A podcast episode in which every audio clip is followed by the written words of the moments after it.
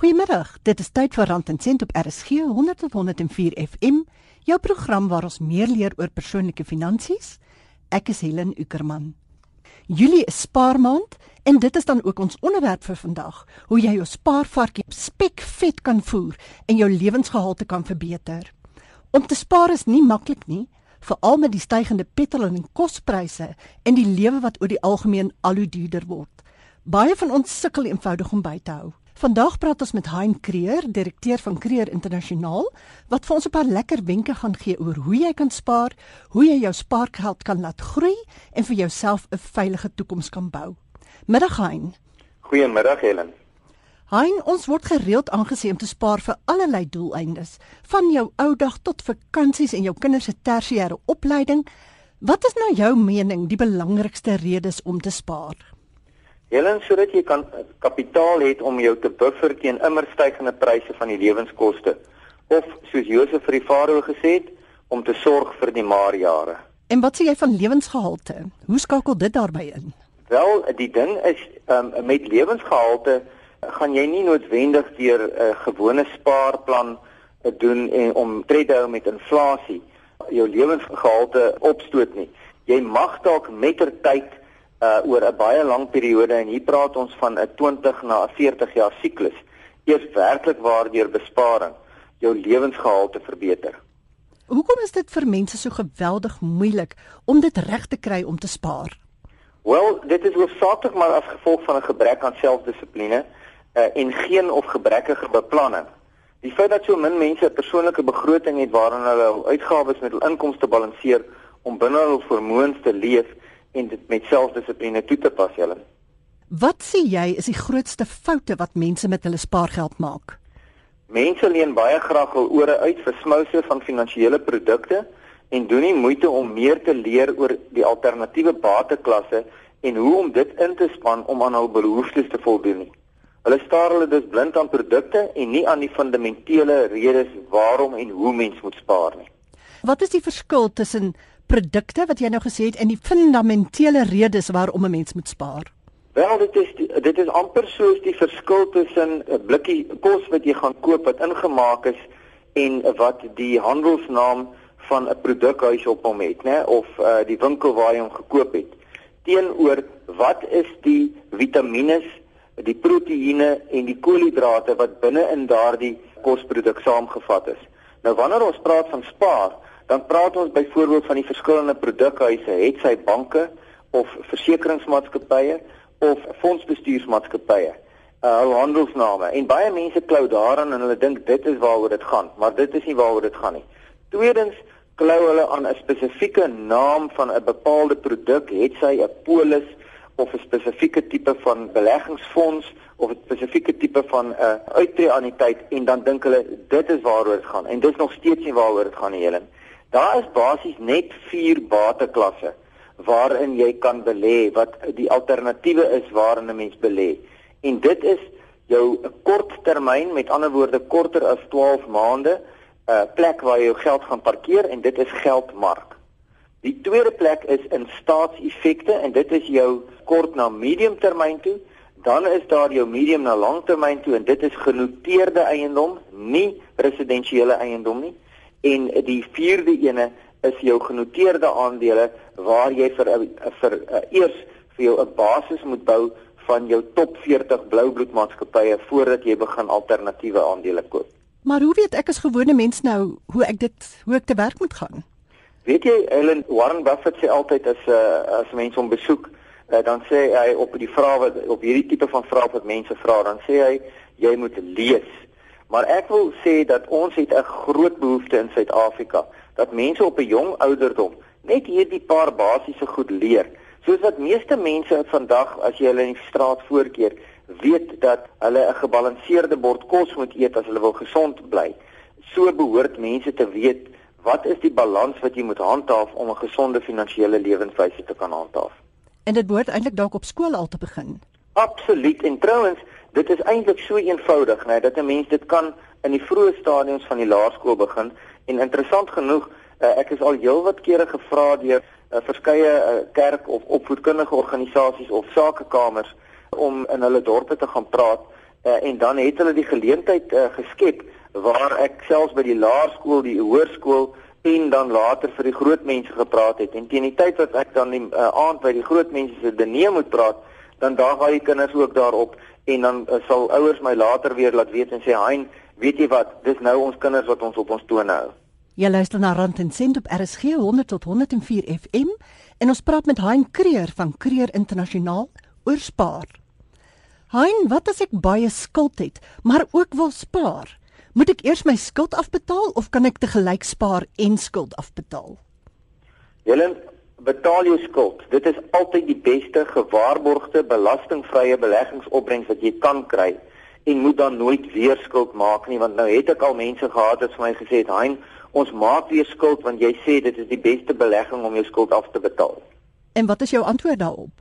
Dan sê ek, "Nee, jy maak nooit weer skuld nie, want dan is jy nou voor, dan jy voorgekom en dan begin jy nou te kyk na waar is die alternatiewe plekke waar jy moet spaar om aan jou spesifieke behoeftes te voldoen." Wat is die beste manier om my skuld af te betaal? Daar word deesdae baie gepraat van skuldkonsolidering. Is dit 'n goeie opsie? Ja, ek dink party mense uh, uh mis baie keer die punt ten opsigte van skuldkonsolidering want wanneer hulle skuldkonsolidering doen, dan besef hulle nie dat skuldkonsolidering is 'n metode om vir jou 'n laer rentekoers te beding sodat jy 'n groter gedeelte van die geld wat jy spaar dan te kan gebruik nie aan die rente diens nie, maar aan die delging van jou kapitaal en op daardie manier kan jy oor 'n korter tydperk jou skuld afbetaal. Skuldkonsolidering moet definitief nie gebruik word om oor 'n langer termyn te betaal nie want dan verhoog jy maar net jou jou pyn en verleng jy dit. Ja, en op die ouend kan dit jou dan meer kos. Absoluut en dit is waar die probleem inkom. Helen en dit is hoekom ek vir mense sê wanneer jy begin oorweeg of jy moet skuld afbetaal en of jy moet spaar en of jy dit moet gelyktydig doen, dan sê ek altyd vir mense dat hulle moet een ding onthou en dit is dit is net die spesialiste wat met hulle vingers op die knoppies sit wat dalk dit kan regkry. Maar vir die gewone man in die straat is dit baie beter om te fokus op die afbetaling van skuld, dit agter die rug te kry so gou as moontlik en dan te begin fokus op besparing en die uh, um die belegging van jou jou spaargeld. Kan jy gou vir ons luisteraars verduidelik presies wat skuldkonsolidering behels? Wel skuldkonsolidering beteken gewoonlik dat jy uh, is in 'n proses waar jy met jou skuldeisers wat gewoonlik jou bank is hoofsaaklik gaan sit en dan sal hulle na al jou verskillende skuld kyk. Gewoonlik kom heel eers jou skuld op jou huisverband. Dit gewoonlik jou goedkoopste skuld. Dan kyk hulle na jou motorkarre se skuld. Dit is gewoonlik 'n redelike duur skuld veral as mense koop bo hulle vermoëns en dan nog wat ons noem 'n ballonbetaling aan die einde van die periode het wat dit baie duur maak en dan gewoonlik jou heel duurste skuld en dit is jou kredietkaartskuld. Nou wat hulle dan doen is, hulle konsolideer dit dan in een van die voertuie en en die uh, gemaklikste een om dit in te doen is om dit te konsolideer binne in jou huisverband. Met ander woorde, jou huisverband betaal dan jou kredietkaart, jou duur kredietkaartskuld af en jou motorkar af en jy skuld nou nie meer geld daarop nie, maar nou skuld jy dit alles op jou huis en dit is teen 'n lae rentekoers. Maar nou bly jy dieselfde bedrag betaal wat jy betaal het toe jy die duurskuld gehad het, maar nou op die, net op die huisverband. Maar omdat dit nou 'n groter bedrag is teen 'n lae rentekoers, delg jy met ander woorde meer kapitaal en op daardie wyse betaal jy jou skuld gouer af. Maar natuurlik het dit ook die risiko dat jy jou kar wat jy nou sê net maar oor 3 of 4 of 5 jaar sou afbetaal het, sleep nou vir 20 jaar voort. Nee, want dit is nie meer jou kar se skuld nie. Jou kar is nou nie meer die die ding nie want die kapitale ekwiteit lê teen die ekwiteit wat steeds in jou huis is. So jou kar is afbetaal. Daar is nul skuld in jou kar. Maar dit is hoekom ek sê wat baie belangrik is, moet nou nooit weer bykomende skuld maak nie. Moet dit nou nie gebruik as 'n geleentheid om nou die kar op 'n mooier of groter of meer begeerlike motor te gaan inruil en dan weer daarop skuld te maak. So dit gaan weer eens vir selfdissipline. Absoluut, Helen. Hein kom daar ooit 'n stadium waar 'n mens nou kan sê ek het nou genoeg gespaar. Nee, want dit dit raak 'n lewenswyse van die hardwerkendes wat vir die armes sorg soos Paulus gesê het. Met ander woorde, mense wat spaar is mense wat dit voortdurend doen omdat hulle die vrugte pluk van hierdie uh, sobere lewenswyse en dit is werklik waar daardie mense wat uiteindelik vir die blinkste faanse wat met die mooi goed rondry of in hulle bly uh, of dit aantrek uh, uiteindelik sorg wanneer daardie voormoens uh, lewenswyse uh, die blinkste faanse begin inhaal. As jy 'n vaste maandelikse inkomste het, het jy dan enigstens 'n verskoning om nie te spaar nie? Geensins nie, Helen want dit maak die beplanning en die toepassing van 'n persoonlike begroting net soveel makliker en minder pynlik. Dit is Rand en Sent op RSG en Julie is spaarmaand. Ons gesels met Hein Kreer van Kreer Internasionaal oor hoe jy jou spaarvarkie spekvet kan voer. Hoe werk die beginsel van betaal jouself eerste? Wel, 'n mens bou 'n spesifieke minimum bedrag vir die besparing in jou persoonlike begroting in as 'n uitgawe aan jou eie beleggingsrekening. Met ander woorde, kyk, wanneer 'n mens 'n persoonlike begroting opstel, dan maak jy spesifieke voorsienings vir spesifieke uitgawes en dan bou jy die besparing daarin asof dit 'n uitgawe is, maar dit gaan eintlik in jou eie beleggingsrekening in waar jy dit dan belê. En so is dit 'n vaste uitgawe waarvan jy afwyk nie waaraan jy voldoen met selfdissipline soos wat jy aan die res van jou begroting voldoen. Met ander woorde, dit dui ook daarop dat jy jouself eers betaal met ander woorde eers jou spaargeld wegsit voordat jy enigiets anders betaal. Dis korrek Helen. So geen golfsakke en rooi hoek skoene eers nie. Nee, nee, dit is daardie begroting uh, en om binne jou vermoëns te lewe en besparing uiteindelik gaan saam met dieselfde dissipline om baie duidelik daagliks tussen jou lewensnoodsaaklike behoeftes en jou begeertes or to keep up with the Joneses te onderskei en om laasgenoemde uit die uit die aard van die saak uit te skakel. Hoekom ek dit vir jou vra, is want baie mense dink om te spaar is om te kyk wat hulle aan die einde van die maand oor het en dan sal hulle dit spaar en dan is daar gewoonlik niks oor nie. Dis korrek. Met ander woorde, jy bou nie besparing spesifiek as 'n uitgawe in jou begroting in nie. Watter stappe sou jy aanbeveel sodat mense hulle self aan die spaar kan kry? En daai spaarvarkie behoorlik vet te kan voer? Wel, Helen, jy moet 'n persoonlike begroting hê. Dis die plek waar jy vir jouself kort, met ander woorde 12 maande siklusse, medium, met ander woorde 5 jaar siklusse en langtermyn 10 jaar siklusse doelwitte stel om uh, met jou uh, spaarplan ooreen te kom. So jy stel 'n doelwit, ek wil sê net maar oor 3 jaar 'n huisdeposito bymekaar hê en dan sê jy dan dit is hoeveel dit moet wees en elke maand moet ek soveel wegsit en dan het ek oor 3 jaar genoeg geld. Is dit waarvan jy praat? Dit is presies dit. Jy weet ek het byvoorbeeld 'n ander voorbeeld wat ek in my uh, boekie leer meer oor geld sake oor geskryf het waar ek gekyk het na twee jong manne wat albei motors gekoop het maar waar die een vir hom 'n mooi blink uh, Duitse motor gekoop het en die ander een vir hom 'n uh, minder spoggerige 'n uh, Japaneese motor gekoop het en die ou wat die Japaneese motor gekoop het, het uh, R2000 'n maand minder betaal aan sy motor as wat sy vriend op die Duitse motor betaal het. En hoe hy dan uh, na 5 jaar wat hy daardie geld wat hy gespaar het, belê het in 'n beleggingsrekening, het hy sy motor afbetaal gehad, net soos sy vriend, maar hy het ook reeds R200 000 gespaar. En uh, toe sy vriend sy motor inruil op 'n duurder motor en wat hom nou R4.500 'n maand kos, het die ander ouetjie sy goed opgepaste motor, Japaneese motortjie, vir nog 5 jaar gery, maar daardie ekstra geld gespaar by die R200 000 en uiteindelik het hy R800 000 gehad wat veroorsaak het dat hy toe 'n tweede motor kon kontant koop vir R200 000 en nog steeds R600 000 oorgehou het. En as jy na hierdie hele storieetjie gaan kyk oor 'n 20 jaar periode, dan raak die ou wat op 'n uh, spaarsame wyse uh, met 'n minder spoggerige karre klaarkom, kry jy dit reg om uiteindelik 5 motors te hê en iets so 3.5 miljoen rand in 'n spaarrekening waar hy uh, na begeerte kan gaan motors koop terwyl sy vriend het nog net een kar elke keer en hy moet hom elke keer teruggee aan want hy ruil hom in op 'n volgende een en hy het geen kontant oorgehou nie. En dan sal jy sien hoekom ek praat van lewenswyse. Dit raak 'n lewenswyse vir die persoon wat die Japaneese motortjie mee begin het. Hy doen presies dieselfde ding op sy woonhuis. Hy doen presies dieselfde manier hoe hy met sy kruideniersware omgaan. En uiteindelik, en ons praat nie eers hierso van geld wat byvoorbeeld spesifiek geallokeer word vir pensioenbesparing. Hoeveel beveel jy aan moet mense elke maand probeer spaar? Of laat ons die woord probeer uitlos. Hoeveel beveel jy aan moet mense spaar elke maand? Wel ja, dit is dit is soos jy sê, dis nie dit gaan nie oor probeer nie. Jy moet anderster gaan jy onderdeur wees, Helen.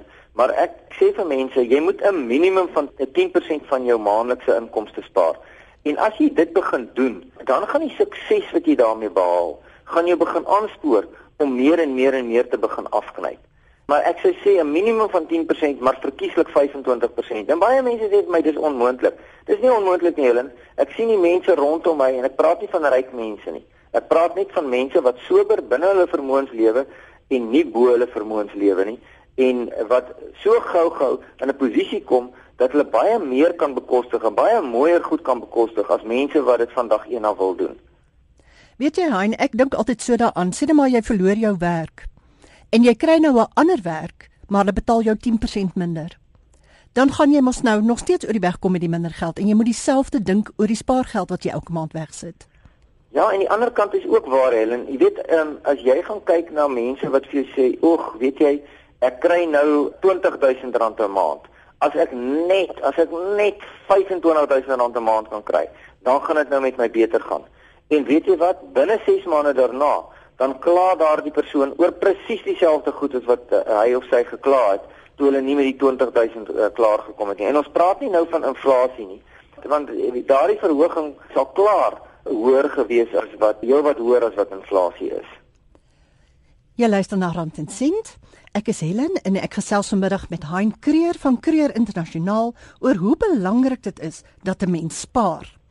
Hein het nou al 'n paar keer aan die maandelikse begroting geraak. Hoe begroot 'n mens?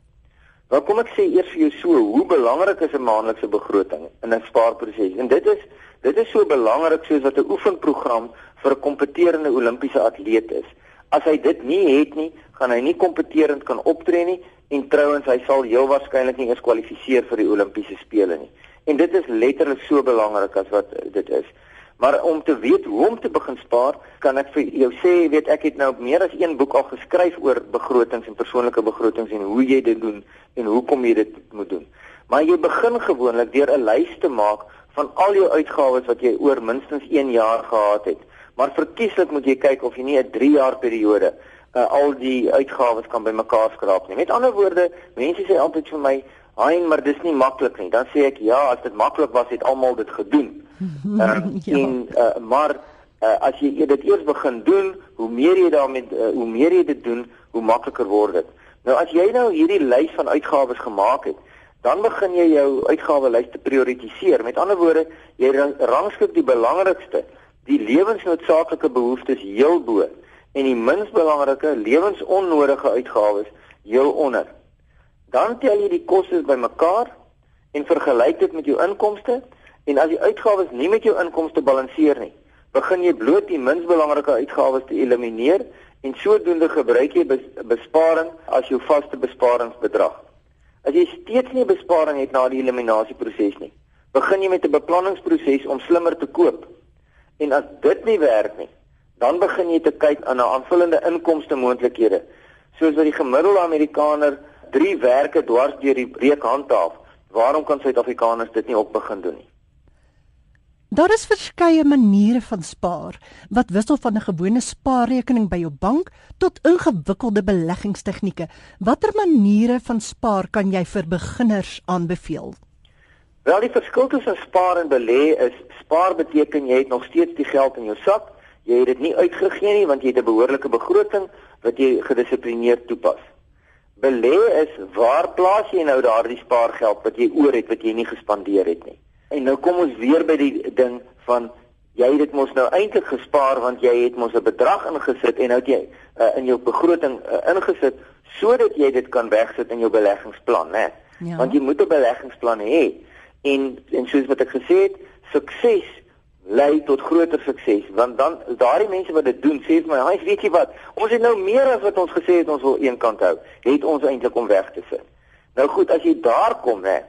Dan is die uh, is die alternatiewe jy parkeer jou geld in die geldmark. Dit is met ander woorde jou minder as 12 maande spaarinstrument. Dit is jou eerste bateklas. Dan gaan kyk jy na jou uitgawebehoeftes. Met ander woorde, waarvoor jy spaar. En dit deel jy op in 'n kort, 'n medium en 'n langtermyn behoeftes. En daarna verdeel jy jou spaargeld na gelang van jou behoeftes tussen staatseffekte wat jou mediumtermyn is, genoteerde eiendom wat jou medium tot langtermyn is en dan jou blou bloed aandele wat jou heel langtermyn is. Kan jy vir ons voorbeelde gee van kort en medium en langtermyn spaarprojekte? Waarvoor spaar 'n mens? Wel, kom ek sê so, 'n buffer is altyd 'n onverwagse uh, uitgawes wat jy mag hê. Dit is gewoonlik jou korttermyn. Dit is iets wat jy in jou in 'n geldmark of sê nou maar in 'n inkomstefonds sal hou. Dan sal 'n mens kyk na mediumtermyn. Mediumtermyn is gewoonlik 'n motor. En dan kyk jy na jou langtermyn. Daar word ingesluit jou aftrede en jou woonhuis en miskien jou aftreehuis uh, wat voorlê. So dit is die tipiese tipe van uitgawes waarna ou kyk oor 'n periode. Maar die groot ding is wat ek vind is dat mense besef nie dat jy moet jou jou behoeftes moet jy bepaal voordat jy kan besluit oor uh, waar jy dit gaan plaas en watter bateklas jy dit gaan plaas. En hoe werk die ding dat hoe vroeër jy begin spaar, hoe meer voordeel gaan jy daaruit kan trek? Wel, die punt is net dat hoe vroeër jy begin spaar, hoe langer tyd is daar wat jy het om te spaar. Nou net om vir jou te sê dat 'n baie belangrike deel van spaar is, is dat jy moet altyd seker maak dat jy die kassie wat uh, op die spaarplan vir jou gegee word wat vra of jy die dividende en die rente wil herbelê, moet jy altyd sê ja. Want wat mense nie besef nie is oor 'n 20 en 'n 40 jaar siklusperiode wat 'n mens jou dividende en rente betaal, op op uitbetaling daarvan kom 82% van jou totale kapitaal groei uiteindelik van daardie herbelegging van die dividende en die rente. Dit was dan Hein Kreer van Kreer Internasionaal oor jou en jou spaargeld. So 'n belangrike deel van ons persoonlike finansies. Baie dankie Hein, dit was lekker om met jou te gesels vandag. Baie dankie vir die geleentheid, Helen. Jy kan my ook volg op Twitter by @HelenUckerman of op Facebook by Rand en Sent Helen Uckerman en jy kan hierdie program in MP3 formaat aflaai van RSG se webwerf rsg.co.za. Dit is dan nou tot sins vir my. Geniet die res van die Sondag. Tot volgende week.